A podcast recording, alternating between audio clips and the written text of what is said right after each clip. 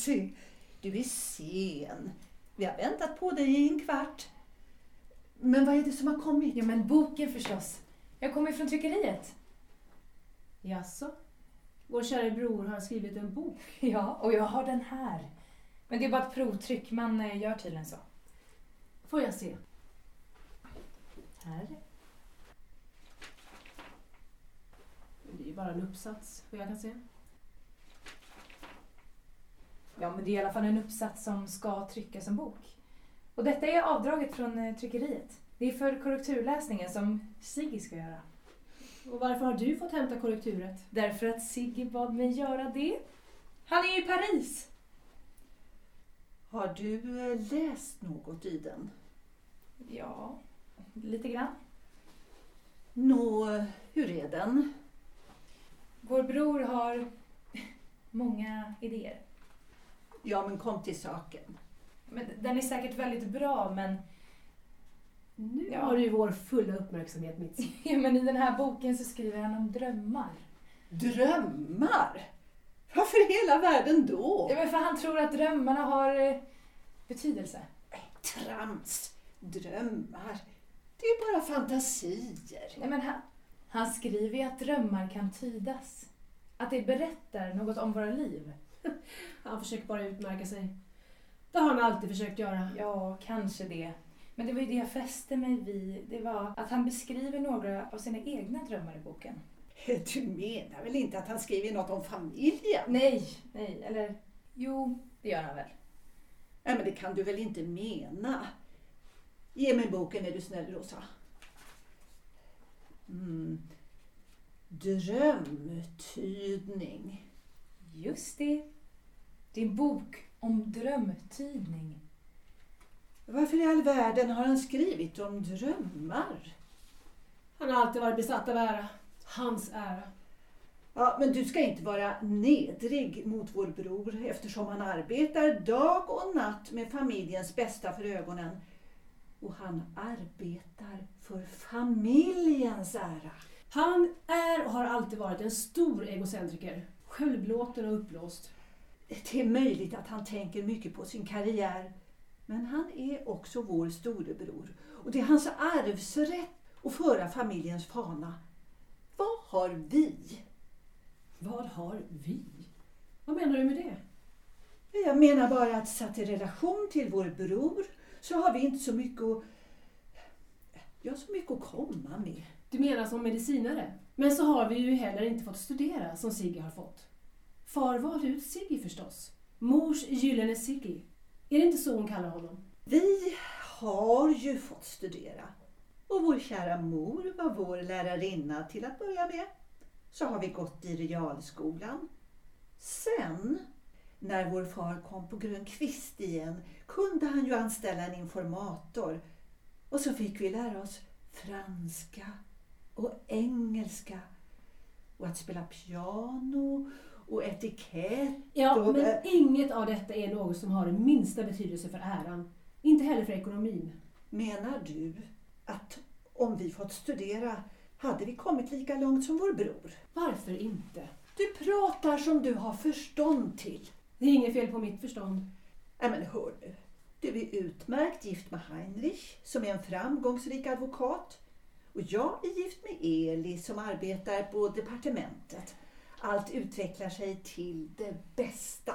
Hur vet du det? Men hörni, varför ska ni hålla på och gräla? Det är väl ingen som grälar? Jo, ni pratar om höga röster som om ni är arga, men ni vill inte vidkännas att ni är arga.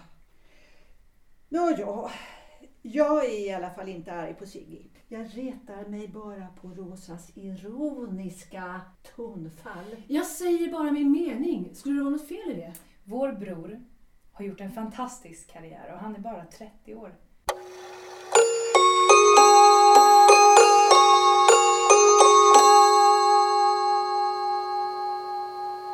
Mitzi, du har ju ännu inte fått kaffe. Det vill du förstås ha. Mitzi, Gärna. Tack. hur eh, mår Heinrich? Det vet jag inte. Han syns nästan aldrig till. Det är det ena målet efter det andra. Ibland undrar jag om han har skaffat sig en älskarinna. Ja, men vad jag förstår kan han bli delägare i advokatbyrån.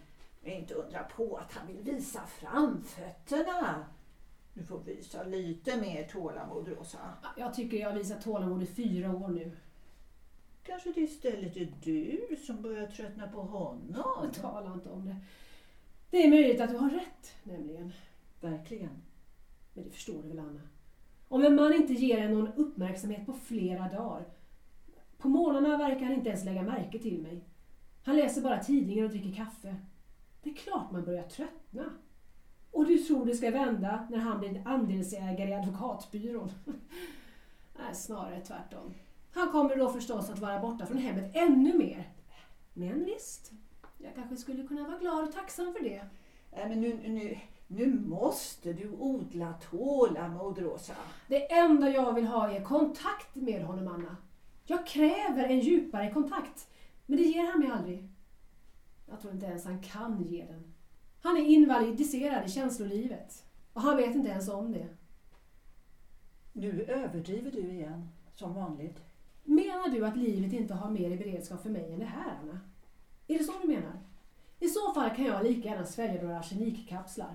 Bättre det än att vara kvar hos en karl som mer eller mindre håller mig fången och som tar sig rätten att göra vad han vill med mig. Skulle bara veta vad han gjort, Anna. Det är minsann ingen som lämpar sig för tryck. Så du pratar, Rosa. Du har ju så mycket att glädjas åt. Du är ju gravid. Eller hur? Ja, och inte gör det saken bättre. Nej men va? Är du med barn Rosa? Var, var, varför har du inte sagt någonting? Och varför känner Anna till det men inte jag? Ju färre som vet det, desto bättre. Nej men du har väl berättat det för Heinrich? Nej. Men varför inte? Det är det inte en fantastisk nyhet? Det är ju det är din förstfödda. Jag vet inte. Vad menar du? Hon funderar på att ta bort det. Nej men nej! Är det sant? Du tänker döda barnet? Det är inget barn. Nej, men. Det är ett foster, knappt större än en sparv. Ja men i alla fall. Jag försöker övertala henne att låta Ja, bli. Du har ingen rätt att bestämma över mig. Men någon måste ju stå för förståndet här. Ja, och det skulle vara du då. Ha! Är ditt gifte så mycket bättre då? Är det så du menar? Eli, han som redan är så skallig att han börjat odla skägg. Han som är så rädd för att förlora sin plats att han gått med i de konservativa. Han som tidigare propagerat för de radikala. Varför spyr du så mycket galla, Rosa? Nej, Jag är väl avundsjuk. Du är ironisk. Och du får vara ironisk. Jag bryr mig inte, jag kan inte förändra dig. Du har alltid varit ironisk. Måste ni bråka hela tiden? Jag trodde jag tänkte sitta här och vara tyst, Mitzi. Hörde du inte vad hon sa om Eli? Jo, men hon menar säkert det hon sa. Vad menar du? Att Rosa är avundsjuk på att du och Eli är ett sånt lyckligt äkta par. Ja, det lät inte så. Dessutom vill jag understryka att Eli gick med i de konservativa för att det vore opassande med något annat. Han ska trots allt företräda regeringen. Ja, som assistent till assistenten till andre registratorn på departementet. Ja, men hör du Mitzi? Hörde du? Va?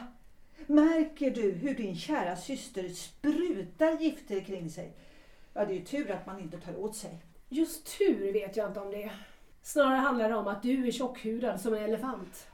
Får jag titta på boken igen? Varsågod, kära Rosa. Tack så mycket, kära Anna.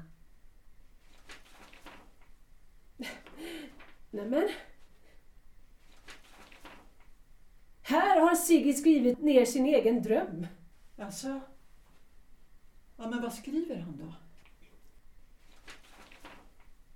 Jag var ofullständigt klädd i min nattskjorta.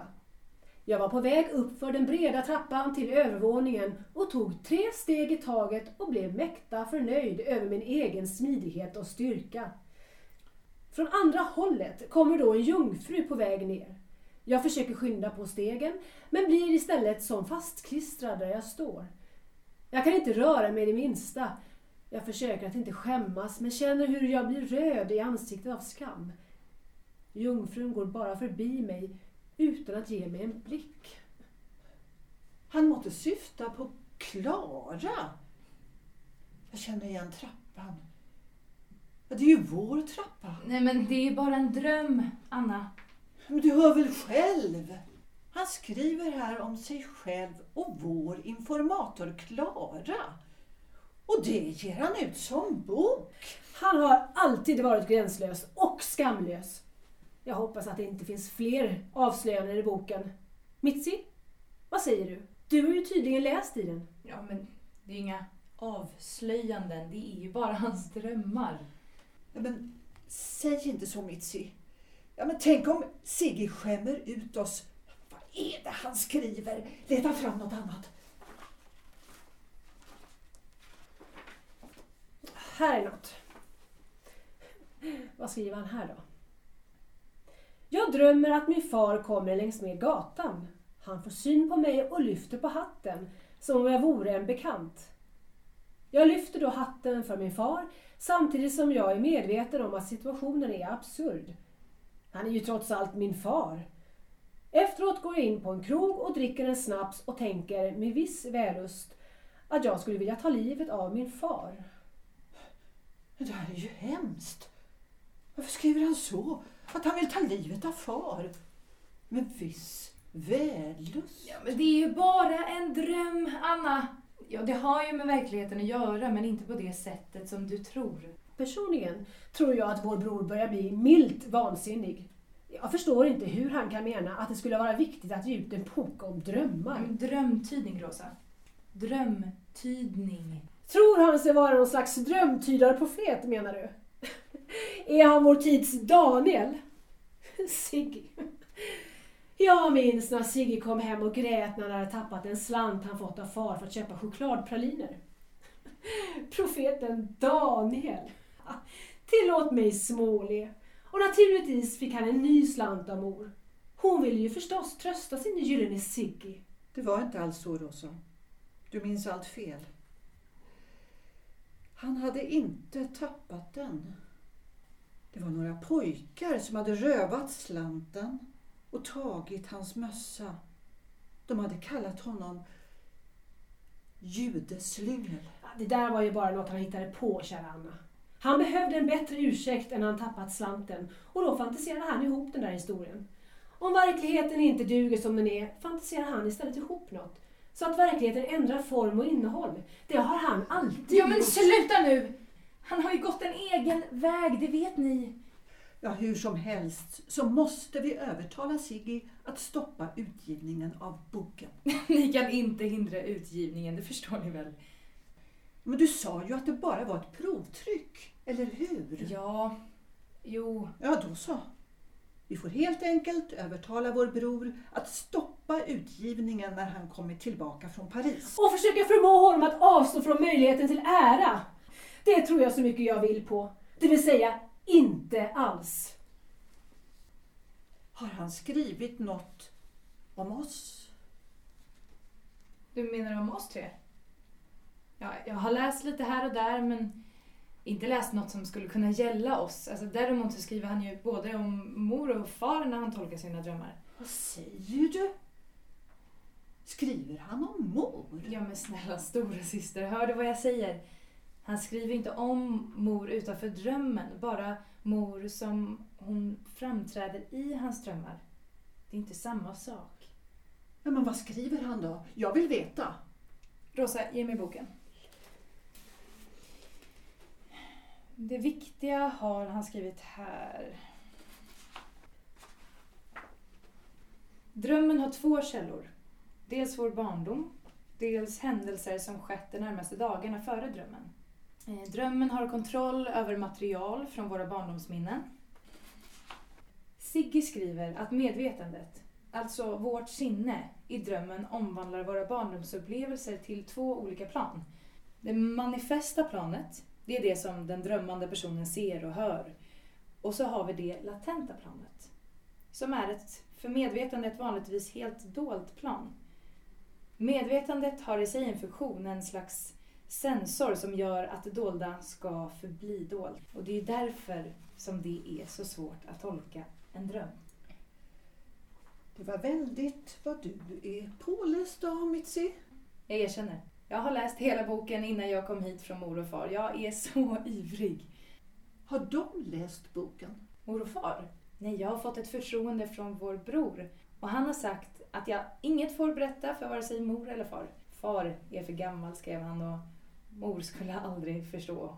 Hon är för religiös, sa han till mig. Även om, mot förmodan, detta med drömmarna skulle stämma, att de säger något väsentligt om oss själva, varför ska då detta viktiga döljas? När det väl lika gärna skulle kunna sägas öppet, tydligt och klart. Säger vår kära bror något om det? Men han menar att vi förtränger våra drömmar. Vi låtsas inte om dem och till sist så känner vi inte igen dem alls. Men varför i hela friden skulle man vilja dölja det man vill? Det man önskar sig? Ja, men eftersom drömmarna ofta är skamliga eller fel på något vis. Ja, men som i vår brors dröm när han säger att han vill döda far. Eller när han skriver att han är en dröm säger om vår mor att... Vad då? Nej, glöm vad jag sa. Nu vill jag verkligen veta. Nu är det du som försöker dölja något. Ja, Men vad är det då? Menar du att du har något att skämmas för? nej, jag säger inte. Det låter med förlov sagt som rena rappakaljan. Jag tror att vår kära bror har arbetat ut sig. Ja, han arbetar ju alldeles för mycket. Så måste det vara.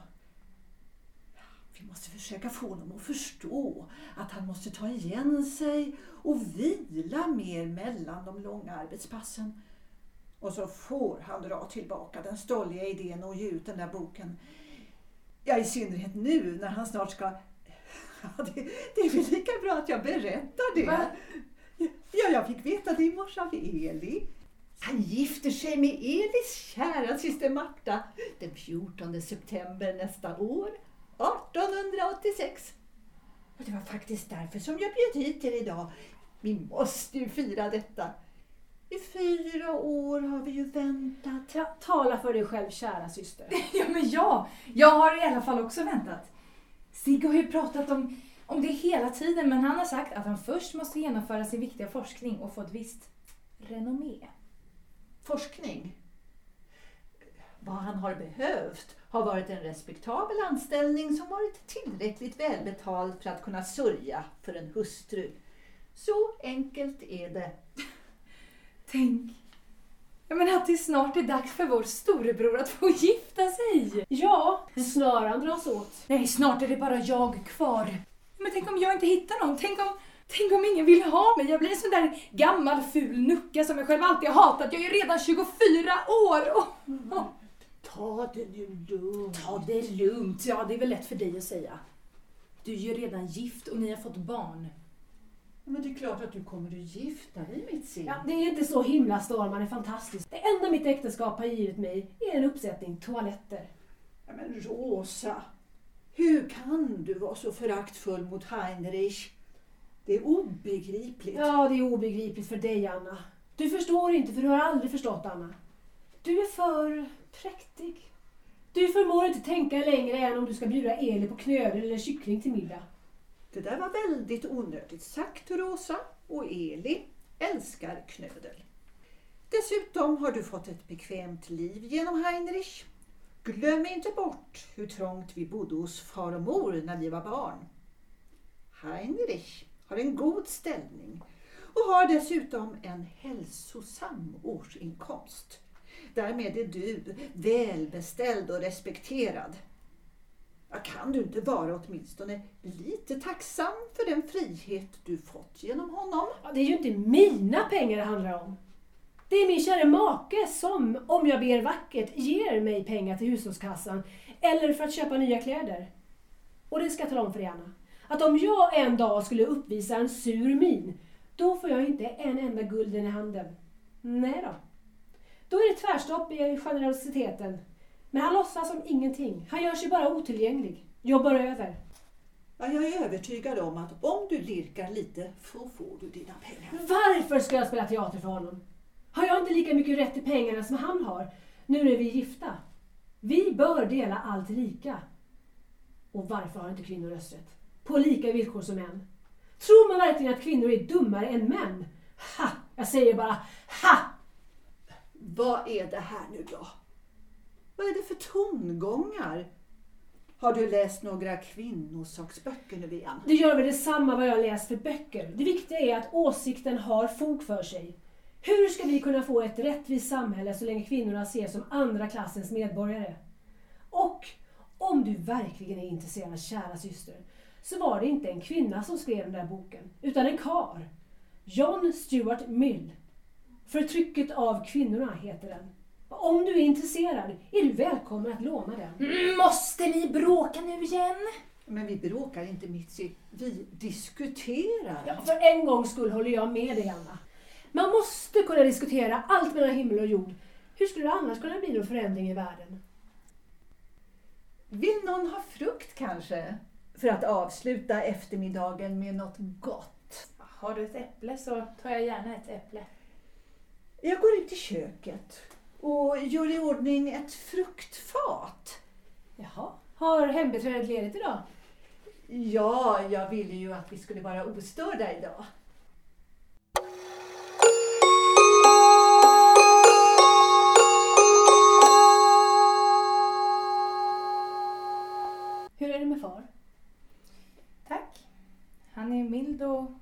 God och optimistisk som alltid. Men eh, hjärtat är förstås inte som det ska vara. Trots att han borde ta igen sig kan han inte slita sig från sina ullaffärer, det frestar på. Men mor sköter om honom. Ja, det är klart hon gör det. Och så är hon ju också 20 år yngre än far. Han kan väl inte ta hand om sig själv snart. Tror du att far vill se dig gift så att du kan lämna huset? Eller vill han att tvärtom att du ska akta dig för att gifta dig? Så att du kan hålla honom sällskap? Du är väl ändå hans älsklingsdotter? Varför skulle jag vara det? Far älskar alla oss tre systrar. Dessutom har vi ju två halvbröder. Jo, men de är ju i England båda två. Dessutom är Sigrid så förtjust i far. Hur vet du det? Sigge har sagt mig att han föraktar far för just det som du har framställt som hans dygder. Hans mildhet, hans godmodighet, hans kompromissvilja, hans eftergivenhet. Sigge anser att mor kör med honom. Han är för svag. Vad säger du? Jag säger bara vad han sagt till mig. Det var också därför han ville komma ut i världen och komma upp så ordentligt. Han vill visa att man inte kommer någonstans genom den där mildheten. Den där flatheten. Ja, då blir man bara trampad på. Se bara på hur det gick med affärerna. Far lade priserna under marknadsnivån har jag fått veta. Och han gjorde därför stora förluster under lång tid. Han sålde för billigt. Och han gjorde det med argumentet att folk inte har så mycket pengar på fickan just nu. Det är svåra tider. Ha. Det är väl självklart att affärerna går uselt med en sån inställning. Konkursen var nära tre gånger har jag fått veta. Men far räddades till sist av att gifta sig med mor. Eftersom hennes hemgift var stor och hon sköt till pengar till fars verksamhet. Morfars pengar räddade alltså affärerna. Och det är i sista sekunden. Men sluta nu! Jag orkar inte höra på sånt här. Vad då? Pengar, pengar, pengar. Alltid ska det handla om pengar. Och vad vill du att det ska handla om då? Jag vill... Ja, men jag vill att livet ska vara vackert. Jag, jag, jag vill att människor ska tycka om varandra. Jag vill att alla ondskefulla människor ska förvandlas till goda människor. Ja, då får du nog vänta länge. Nej, men jag vill inte vara kvar här om allt blir som det är nu. Vad menar du? Jag, jag, jag vet kanske inte riktigt vad jag menar. Mer än att jag snart inte står ut längre. Men du har det väl ganska bra hos mor och far? Sigge har farit ut i världen. Han är i Paris. Jag vill också fara till Paris. Till målarnas Paris. Ja, men kanske, kanske till Rom. Och, och se Colosseum och, och, och Spanska trappan. Och, eller besöka Aten. Kulturens vagga. Jag måste bort härifrån. Men jag har ju inga pengar. Du sa det själv. Vi kvinnor tillåts inte att ha en egen ekonomi. Allt går genom männens godtycke. Far skulle säkert säga ja och ge mig mer pengar. Men mor skulle förstås bestämt säga nej så länge jag inte har någon bror med mig. Eller make. Varför ska allt vara så svårt? Vad i hela friden står du och gastar om Mitzi? Hon vill resa från Wien, komma bort från allt. Varsågoda. Men Heinrich och du kan väl ta med er Mitzi ut på landsbygden? Ni kan väl åka till över en Om det helg. märks att du inte känner Heinrich. Han vill ha mig helt för sig själv när han inte är på arbetet.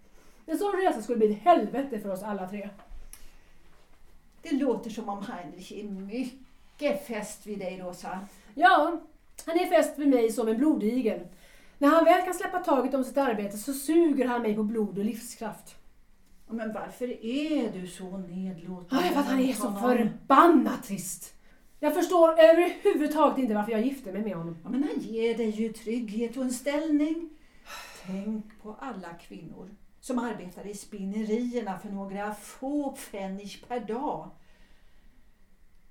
Och nog är det väl så att han också ger dig något annat. Du menar i sängkammaren? Ja, jag vill inte uttrycka mig så plumpt. Men du har förstått vad jag menar. Och man får finna sig i den ömhet man får sig tilldelad. Så är det. Inte jag. Vad menar du? Jag finner mig inte att bli behandlad som en leksak. Din make är faktiskt jurist. Ja, det förändrar inte situationen en centimeter, kära Anna. Snarare är det så att han dagligen erinrar mig om de juridiska plikter som föreligger en gift kvinna. Att lägga benen i vädret till exempel, så han kan komma till. Nu överdriver du väl i alla fall, kära Rosa. Ja, kanske jag överdriver en smula, men Heinrich är övertygad, på samma sätt som vår käre bror för övrigt, om att kvinnans plats är och ska vara i hemmet och ingen annanstans. Och hennes centrala uppgift är att föda och uppfostra barn. Och när han säger det, låter det som hans barn, inte våra barn. Men är det inte så det är? Vi har våra tilldelade roller och vi får spela dem så gott vi kan. Nej. Och även om det skulle vara så som det är, är det inte så som det ska vara. Jag vägrar att acceptera det. Låt oss lämna ämnet. Ja, men det är ju sant det jag säger, Anna. Det måste finnas något mer för kvinnor än make och barn. Om man inte dör i barnsäng första gången så dör man väl nästa gång. Du, du vet inget om livet. Du är bara 25 år. Och du är bara 27. Ja, än sen då? En del mognar fortare än andra. En del förstår omedelbart, intuitivt, det oerhörda ansvar som vilar på en kvinnas axlar. Äsch, ingen idé att prata med dig. Du är för instängd. Instängd. Kan ni inte sluta bråka nu? Jag finner inget bättre ord, kära Anna. Du är instängd i det här hemmet, i det här huset och du kommer förmodligen aldrig ut från det igen. Känner du inte doften av fängelsehåla? Jag tycker om att vara i det här hemmet, Rosa. Du är grå. Eli är också grå, så ni passar ju för varandra du och han. Men det är inget liv för mig. Jag vill ha mer. Jag kräver mer av livet än så. Men vad menar du? Och vad för slags liv vill du ha då? Vill du resa runt med en cirkus kanske? Vill du gå på lina med parasoll och äta mat ur en Ja, konservburk? vad som helst utom det liv som jag tvingats in i utan egen förskyllan. Som jag har sagt. Du talar som du har förstånd till. Ingen har väl tvingat dig att ta Heinrich till äkta man.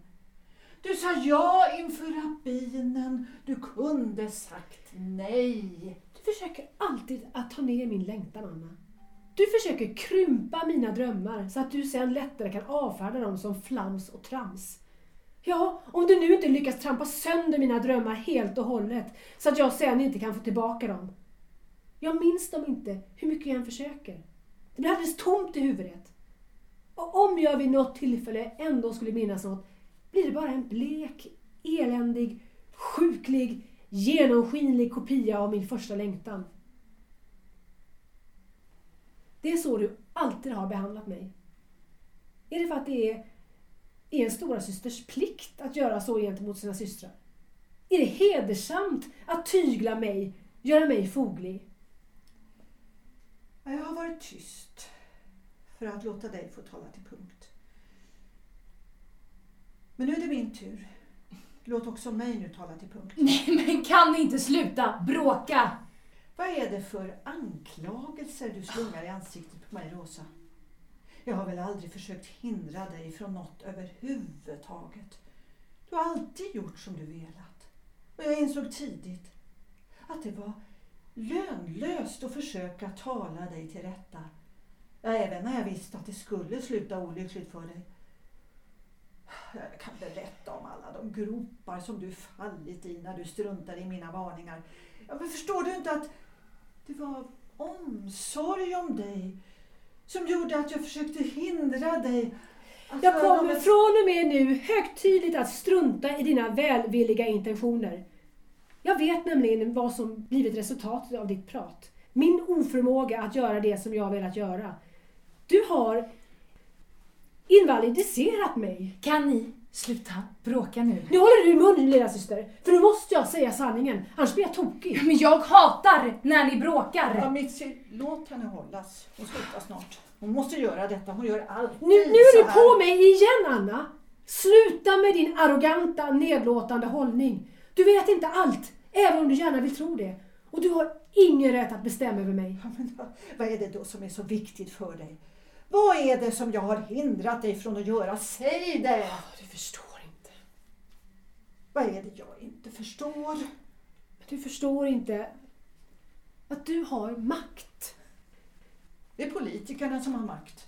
Männen i samhället är de som har makt. Jag har ingen makt. Jag är en kvinna. Är det någon som vill ha lite mer kaffe? Ja, om du är snäll och serverar så. Tack. Rosa? Nej tack, jag ska snart gå. Ja, men varför det? Om det är något jag har sagt som varit kränkande så ber jag om ursäkt och jag gör det med, med, med en gång nu.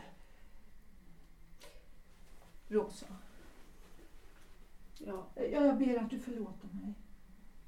Låt oss inte gräla. Vi, vi är ju trots allt systrar. ja, låt oss vara försonliga. Nu vill jag veta vad Sigge skriver om mor. Nej. Det är ingen idé. Låt mig bara ta med mig boken hem igen. Men vad är det du säger? Ge nu boken till Anna. Nej. Rosa, är du snäll och tar boken från Mitzi? Nej! Jag har dig fast. Aj! Släpp mig! Visst, ge mig boken bara. Ja men så ta den då! Det där gjorde faktiskt ont. Lite får du tåla. Ser du vilken sida han skriver om mor? Ja, jag har lagt ett bokmärke där men Jaha, Läs nu högt. så ja. Jag mindes plötsligt hur jag en gång som barn hade haft en mardröm. Jag minns inte hur exakt gammal jag var, kanske 6-7 år. Men jag vaknade med ett högt skrik och själva drömmen minns jag ännu idag i detalj. I drömmen såg jag hur min mor bars in på ett slags bår av två... Ett ögonblick. Skrämmande figurer med stora fågelnäbbar. De la min mor på en säng och när jag gick fram till henne kunde jag se hur mor hade ett rofyllt men sömnigt uttryck i ögonen som jag aldrig lagt märke till tidigare. Ska jag fortsätta? Anna? Ja, jag förstår fortfarande inte vad det är frågan om, så gör det. Sigge skriver sen hur han tolkar drömmen. Det jag fann i drömmen var att jag som barn omedvetet traktade efter att förenas sexuellt med min mor. Men vad säger han? Jag var alltså förälskad i min mor och svartsjuk på min far. Jag ville ersätta honom som min mors älskare och därför ville jag att han skulle bort. Helst skulle han dö. Sluta, jag, jag vill inte höra Det är det jag säger. Han är gränslös. han talar om drömmar. Inte om verkligheten. Oavsett vilket så är detta vidrigt. Den boken får aldrig komma ut. Men alla människor har väl mardrömmar? Otäcka tankar. De håller man för sig själv. Om man tänkt dessa tankar så är skam det enda som hjälper. Men, men det, det är just det som Sigge skriver. att han kände skam efter att han upptäckt det som hans dröm visade. Han kände uppenbarligen inte tillräckligt med skam för att stoppa dessa vansinniga tankar till att ges ut som bok. Även om jag förväntar mig många krumpsprång från Sigge för att ta sig fram i världen är detta faktiskt ingenting som jag föreställt mig. Så du håller med mig Rosa? Eh, Om vad då Anna? att vi måste bränna upp det här manuskriptet. Och sen övertala vår bror att aldrig trycka upp manuskriptet på nytt. Hela familjen blir skandaliserad på grund av den här dårskapen. Men jag tror, som jag sagt tidigare, att vår bror är utarbetad. Hans hjärna har gått allt för länge på högvarv. Han sover dessutom oroligt. Inte undra på att han kan få såna här tokiga infall. Ja, men ni kan aldrig stoppa Sigge att ge ut sin bok. Förstår ni inte hur mycket arbete han har lagt ner i den? Han, han tror att det ska bli en bok som gör honom känd i hela Europa. Han slår ju upp dörrarna till något som tidigare varit stängt för allmänheten. Drömmarna. En, en förståelse av hur drömmar berättar något om oss själva. Något, något som är viktigt att veta. Jag tänker inte sitta och vänta på att tidningarna börjar skriva om oss. Manuset ska bort. Brännas. Och någon bok ska det aldrig bli. Aldrig. Det ska jag se till. Så här har Sigge skrivit i inledningen. Det är ett citat av Vergilius. Mäktar jag ej att himlen nå, väcker jag ändock helvetet upp. Jo tack. Men varför ska vi som inte gjort något ändå drabbas av helvetet? Har jag inte nog med det infernaliska obehag som Heinrichs närvaro skapar varje dag genom sin blotta närvaro? Jag märker att du, Rosa, är enig med mig. Ja, i alla fall på den här punkten. Om vi förstör manuset så räddar vi också Sigge från skandal. Precis min tanke. Men det gör väl detsamma om ni bränner upp pappersmanuset? Hela texten finns ju satt i blytyper på tryckeriet och väntar bara på att Sigge ska höra av sig. Sen trycker de. Då får vi övertala vår käre bror att aldrig trycka. Ja, inte vill jag höra skvallret på stan att min bror velat göra det med vår mor. Och drömt om att döda vår far. Så mycket kan jag säga. Någon slags anständighet måste man ändå kunna bära upp. Mitzi, Ja, vad är det nu då? du måste väl förstå att vi måste ha en rät linje här. Vi måste vara eniga om vi ska förmå vår bror att ändra ståndpunkt. nej, nej, nej, jag står vid Sigges sida. Det är han som har gett mig förtroendet att hämta korrekturet på tryckeriet och, och förtroendet att läsa manuset. Hur skulle jag kunna förråda honom? Jag var dum nog att ta med manuskriptet hit. Det får räcka. Mitzi, du måste väl förstå att detta inte får komma ut i offentligheten. Vad tror du skulle ske då? Jag tror att Sigge kommer att bli berömd tack vare den här boken. Ja, men förstår du då inte? Förstår du inte att du inte kommer att vara lika eftertraktad på äktenskapsmarknaden efter en skandal? Men då får jag väl finna mig i det då. Ja, det är bara fördelar med att slippa bli gift, Mitzi. Du har kvar din frihet. Behåll den så länge du kan. Men jag, men jag vill hjälpa Sigge och jag vill bli gift. Man kan inte få allt, Mitzi. Det får du lära dig av livet. Man får alltid offra någonting. Vad har du offrat? Ja, det tänker jag inte berätta för dig, för det passar sig inte. Jag vet däremot vad man behöver göra för att överleva i det här samhället. Och det är precis det som jag gör. Då har du också haft drömmar. Drömmar som du släckt. Så kan man ju betrakta det. Men man behöver inte känna någon sorg över det. Ingen saknad. Det är bara livet, förstår du. Du vill gå en väg. Livet en annan väg. Då följer man livet fastän man inte ville. Mm. Jag skulle vilja höra en av dina släckta drömmar, Anna. Nej, inte nu. Inte nu. Ja, det är hög tid att bryta upp. Heinrich förväntar sig att ha maten på bordet när han kommer hem. Ja, det är väl det. Tänker du berätta om barnet? Barnet? Ja, barnet som är på väg. Alltså barnet. Ja, jo, det ska jag nog. Kanske barnet. Ge mig boken Rosa. Mm. Varsågod. Mitzi. Tack så mycket, kära Rosa. När Sigge kommer tillbaka från Paris så får vi träffas igen allihop och göra vårt yttersta för att stoppa boken. Lova det. Jag lovar ingenting. Men du har inte bara dig själv och Sigge att tänka på. Det här handlar om hela familjens rykte, Mitzi. Ja, du ska inte tro att du kan göra precis som du vill. Alla i ett samhälle är som kuggar. Vi går in i varandra. Vartenda beslut som du tar i familjeangelägenheter kommer att påverka oss alla. Far, mor, mig, Rosa, Dolphy, Paulina, ja till och med Eli och Heinrich och våra halvbröder. Därför ber jag dig tänka över det hela ordentligt innan Siggy kommer tillbaka från Paris. Nej, Vad menar du? jag menar det jag säger. Nej, jag vill inte. Jag tänker inte göra det. Vad tänker du inte göra? Jag ställer inte upp på era planer att förstöra Siggis bok. Det handlar om att försvara Sigge mot alla onda tungor. Han har bara överansträngt sig och fått någon slags knäpp. Om han bara får vila upp sig några veckor så blir allt normalt igen. Dessutom kommer han att lugna ner sig när han väl gift sig med Marta. Det kan jag försäkra dig om. Ja, du vill väl inte att Marta ska få en dålig start i äktenskapet genom en idiotisk skrift? Nej, Ja, men då så. Så bra.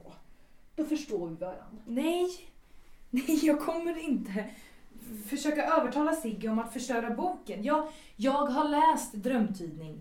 Jag har fått förtroendet av Sigge att läsa den och jag tycker den är bra. Inte bara bra, den är, den är helt fantastisk. Och jag är övertygad om att den kommer att skapa stora svallvågor, inte bara i Wien eller Österrike utan överallt i Europa. Men vad kommer att hända med familjenamnet efter skandalen?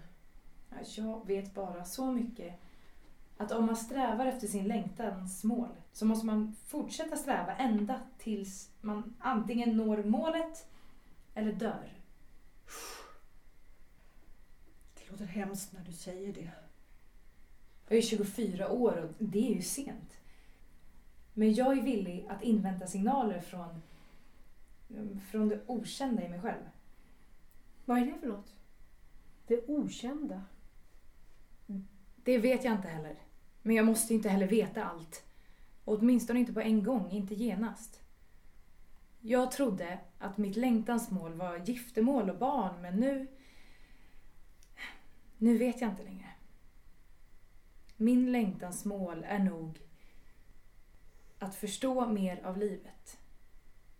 Och jag, jag tror att Siggis bok är en första hjälp för mig.